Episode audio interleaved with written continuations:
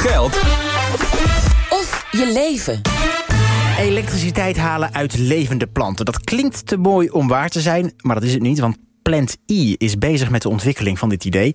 En, middel, en inmiddels wordt het ook in de praktijk gebracht. Het is zelfs zo'n goed idee dat een Spaans bedrijf de techniek nu kopieert. En dat is weer tot onvrede van Plant E, want die gaat dat bedrijf voor de rechter slepen vanwege een patentenkwestie. Maar hoe werkt die techniek en waarom willen andere bedrijven het idee zo graag gebruiken? Dat ga ik vragen aan uh, oprichter en CEO van Plant E, Marjolein Helder. Mevrouw Helder, goed dat u er bent. Dankjewel. U heeft zelf ook uh, onderzoek gedaan naar deze techniek. Kunt u ons nog meenemen dat Eureka-moment dat u dacht... het werkt? Ja, daar, uh, eerlijkheid gebied te zeggen... ik ben niet degene die de allereerste proeven met de technologie gedaan heeft. Oké. Okay. De, de, technologie was ontdekt aan Wageningen Universiteit. Ik kan me nog wel levendig herinneren dat mijn eerste experiment tijdens mijn promotieonderzoek ook daadwerkelijk stroom opleverde. Dus je moet je voorstellen, je zet een plantje in een potje, je doet daar nou ja, een paar dingetjes mee waarvan je geleerd hebt van je collega's dat dat de bedoeling is. En vervolgens hang je de multimeter eraan en kun je er stroom uithalen. Nou, dat was wel een heel bijzonder moment. Ja, het is wel vrij magisch dat je door een seizoen heen een plantje kan zien groeien. Maar als je het direct op de meter ziet uitslaan, dan kan ik me wel voorstellen dat u dacht van wow. Ja, dat, uh, dat is zeker het geval. Ja. ja. Hoe werkt het precies? Hoe kun je energie uit planten halen? Zonder ze te verbranden trouwens, want dat is natuurlijk de makkelijkste weg. Ja, dat is de makkelijkste en ook de minder duurzame versie. Uh, wat wij doen is, wij maken gebruik van de natuurlijke processen rondom die plant. Mhm. Terwijl een plant groeit, produceert hij organisch materiaal via fotosynthese. Dus hij gebruikt zonlicht om organisch materiaal te maken. En een deel van dat organisch materiaal scheidt hij via zijn wortels uit in de bodem. En in de bodem breken bacteriën dat weer af. En bij die afbraak komen elektronen vrij. Die elektronen zijn eigenlijk een afvalproduct van de bacteriën. Mhm. En die elektronen, die vangen wij als het ware in een elektrode, in een koolstofelektrode. En als je daar een tegenelektrode aan koppelt, dan heb je een batterij. Oké, dus dat gebeurt onder de grond? Ja, het gebeurt helemaal onder de grond. En die plant die zorgt er eigenlijk voor dat het proces altijd doorgaat. En die bacteriën zorgen ervoor dat we daadwerkelijk stroom maken. En dat, houdt, dat gaat ook, is een eeuwigdurend proces? Of, of houdt het op ja, een gegeven moment Dit is onderdeel van de natuurlijke processen in de bodem. Dus zolang je ecosysteem eh, in balans blijft, blijft dit ook gewoon doorgaan. Ja, maar een plantje kan bijvoorbeeld afsterven. Moet je er dan weer nieuwe elektroden onderbrengen? Of, of kun je gewoon wachten tot er wat nieuws groeit? Ja, je wacht gewoon totdat er weer iets nieuws groeit. Kijk, dat is het mooie van natuur. Het herstelt zichzelf. Dus ook mhm. als die plant doodgaat en dan komt er nog steeds organisch materiaal in de bodem, want dan breekt het organisch materiaal van die plant, van die dode plant, breekt ook af. Ja. En, hoe, en hoeveel energie levert het op? Nou, voldoende om bijvoorbeeld lampjes of sensoren helemaal zelfstandig van plantenstroom te voorzien, zodat ze helemaal zelfstandig kunnen draaien. Dus je moet je mhm. voorstellen, een park. Uh, nee, bijvoorbeeld in Rotterdam hebben we een park aangelegd.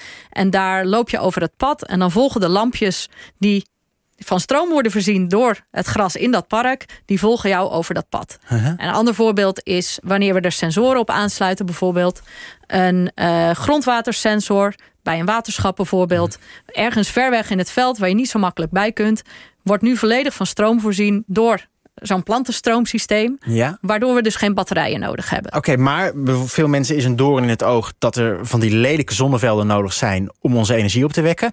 Kunnen we straks die gewoon volplanten met fleurige zonnebloemen en halen we er dan genoeg energie uit? Of is ja, dat, dat zou, een utopie? Dat zou fantastisch zijn. Ja, maar ik nee. maak ons blij. Helaas, helaas. Ehm, nee, daar, daar is de technologie simpelweg niet geschikt voor. Mhm. Ehm, Omdat dat te weinig energie oplevert? Ja, kijk, we zouden er wel meer uit kunnen halen, maar dan trek je dus ook het systeem uit balans. Het natuurlijk systeem. En dat is wat we niet willen, want we willen iets wat heel lang en heel duurzaam gewoon voor ons blijft werken. Dus we willen juist die natuur in balans houden. En daarmee, dat betekent dat we niet heel veel stroom op een, op, op, een klein oppervlak kunnen produceren. Maar het betekent wel dat we over hele lange termijn voldoende stroom kunnen produceren voor bijvoorbeeld die sensoren. En als je denkt van ja, maar wat levert dat dan op? Hè? Wat is, is dat niet een druppel op de gloeiende plaat? Nou, als je bedenkt dat er nu al 12 miljard sensoren wereldwijd worden toegepast, dat dat aantal de komende 10 jaar met een factor 10 gaat toenemen. Mhm. En dat levert grofweg 65 miljoen ton chemisch batterijafval op. Op het moment dat we dat dus allemaal met batterijen zouden doen. Maar je hoeft daar geen batterijen meer voor te maken. Precies. Als we dat nou met plantenstroom doen, dan Mhm. kunnen we dus die enorme afvalberg kunnen we vermijden. Los van het feit dat je dus ook niet meer er naartoe hoeft om je batterijtjes te vervangen. Ja.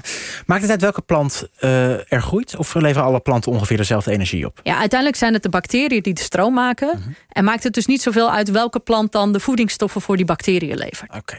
Um, nu klinkt dit revolutionair, maar helemaal nieuw is het niet. U bent er al lang mee bezig. Want uh, tien jaar geleden was u ook op deze zender te horen bij de collega's van de VPRO.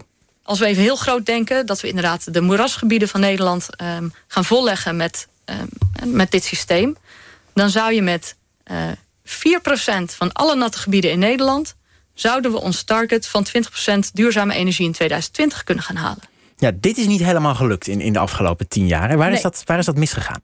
Nou, kijk, we hadden toen nog de hoop dat we inderdaad het systeem zouden kunnen koppelen en daarmee zouden kunnen opschalen. En dus naar, inderdaad naar, in plaats van zonnevelden, uh, gewoon natuurgebieden zouden mm. kunnen gaan uh, als elektriciteitscentrale. Ja, je moet ook realistisch zijn. Als op een gegeven moment blijkt in de ontwikkeling van de technologie. We stonden toen echt nog helemaal aan het begin van de technologie. Het was net ontdekt. Ja. Um, ja, in de loop van de tijd leer je gewoon dingen over de beperkingen van de technologie. Uh, en natuurlijk komt er zo'n punt dat je denkt van ja, maar als we dan die hele grootschalige toepassing niet kunnen halen, wat gaan we dan wel doen? En heeft dat voldoende impact? Nou, dat heb ik net geschetst. Hè. Als je kijkt naar die, uh, naar die sensoren. We hebben ook wel een hele belangrijke toepassingsmarkt. Waar we dit wel degelijk kunnen toepassen. Maar zijn er nog plannen of worden die lampen echt nu al gemaakt? Nee, de, de, verlichting hebben we op de markt. Mm. Uh, de sensoren worden op dit moment in pilots en in demonstratieprojecten nou ja, verder gevalideerd, zoals we dat noemen. Ja. Um, maar staan ook heel dicht bij de markt. Ja. Ja, denkt u, we hebben de afgelopen tien jaar kansen laten lopen? Of, of valt dat dan ook wel mee? En is het gewoon iets realistischer dat het niet de hele wereld gaat veranderen, maar op specifieke gevallen misschien wel handig is? Nou, ik denk een combinatie van beide. Hebben we kansen laten lopen? Ik denk dat we eerder te veel kansen geprobeerd hebben te pakken, waardoor we misschien een beetje gezworven hebben um, om te komen tot het punt waar we nu zijn. Mm maar je moet je ook realiseren, technologieontwikkeling kost gewoon heel veel tijd. Ja. Uh, we hebben dat heel goed willen doen. Ik denk ook dat we vrij breed gekeken hebben, wat kan er nou allemaal met de technologie? En dat we nu een hele mooie combinatie gevonden hebben waar de technologie echt het verschil kan maken. Ja. En is het dus ook al rendabel? Verdient u al geld met uw bedrijf? We hebben al een aantal jaren omzet gedraaid, met name met verlichtingssystemen. En winst? Uh, winst, ja, soms wel, soms niet. Meestal niet. Eerlijkheid gebied zeggen dat er gewoon nog wel een investeringsronde in moet voordat we echt die laatste stap naar opschaling kunnen maken. Ja. Is het dan nog een start-up of bent u daarvoor eigenlijk al wat te lang bezig? Nou, ja, dus maar net een beetje hoe je start-up definieert. Ik denk dat we op, de, op het grensvlak tussen start-up en scale-up zitten. We zitten eigenlijk in de laatste fase voordat we echt kunnen gaan opschalen. We hebben in oktober 2021 een hele grote Europese subsidie binnengehaald om investeerbaar te worden en echt die, die opschaling te kunnen gaan doen. Ja. We zijn nu bijna tegen het einde van ons project, van het Europees project. En daarmee kunnen we nu ja, die investeringsronde gaan draaien en echt die laatste stap gaan zetten. Ja. Hendrik Oude Nijhuis, is het wat voor uh, Warren Buffett, deze investeringsronde? Nou, Buffett die, uh, die, die, die houdt zich liefst van uh, start-ups uh, ja, afzijdig. Hij, hij belegt het liefst in bedrijven waarbij er geen verandering is. En een voorbeeld is, is dat hij graag zou beleggen in een fabrik, fabrikant van kogem. Waarbij, waarbij, hij weet van nou, er kan van alles gebeuren, maar kogem blijven mensen wel, wel komen. Maar tevreden. En u zelf?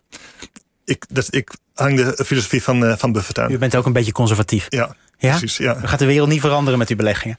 Nou, we proberen meer te liften op, op de goede, goede bedrijven die, die zich al, al bewezen hebben, in plaats van de start-up die, uh, die zich nog moeten bewijzen. Ja. Nou, dat is ook precies wat dat Spaanse bedrijf doet. Meeliften op een, uh, op een goed idee. Want wat is er precies aan de hand? Um, wij hebben op een gegeven moment eh, nou ja, kennis genomen van dat Spaanse bedrijf. Mm -hmm. um, zij kondigden aan dat ze vergelijkbare producten als die van ons gingen, gingen lanceren. Toen hebben we ze gecontact en gezegd: joh, uh, dat kan niet zomaar, want de technologie is gepatenteerd. Toen wilden ze wel een licentieovereenkomst met ons sluiten. Dus dat hebben we gedaan. We hebben ze geholpen om het product te verbeteren en te lanceren in de markt. En na een kwartaal hebben ze gezegd: Nou, wij kunnen eigenlijk wel zonder die licentieovereenkomst. Wij redden ons wel. Ja. Ergens denk ik, u heeft een groene ambitie, u wilt de wereld veranderen. Nou, als dat in Spanje ook gaan doen, is dat mooi meegenomen. Ja, zeker. Als ze dan inderdaad ook meebetalen aan het doorontwikkelen van de technologie. En het kan natuurlijk niet zo zijn dat wij de investeringen moeten doen um, om de technologie te ontwikkelen. En dat zij vervolgens met de revenue gaan lopen. Dus dat is niet de bedoeling. En bovendien, om uiteindelijk dit duurzaam in de markt te kunnen zetten, zullen wij ook geld ermee moeten verdienen. En ja. dat gaat niet als we uit de markt geconcureerd worden door iemand die het spelletje niet volgens de regels speelt. Oké, dus dat legt u voor uh, aan de rechter. Het is natuurlijk nog niet helemaal zeker of er recht inbreuk is op dat patentrecht, want dat ligt dus voor. Uitspraak komt begin volgend jaar. Hè? Dat uh, hopen hoe eerder, hoe beter. Ja, en dan, staat het, uh, dan staat het in ieder geval gepland. Dank dat u wilde uh, komen uitleggen over uw bedrijf. Marjolein Helderen, oprichter en CEO van Plant I. En tot zover Geld of je leven voor vandaag.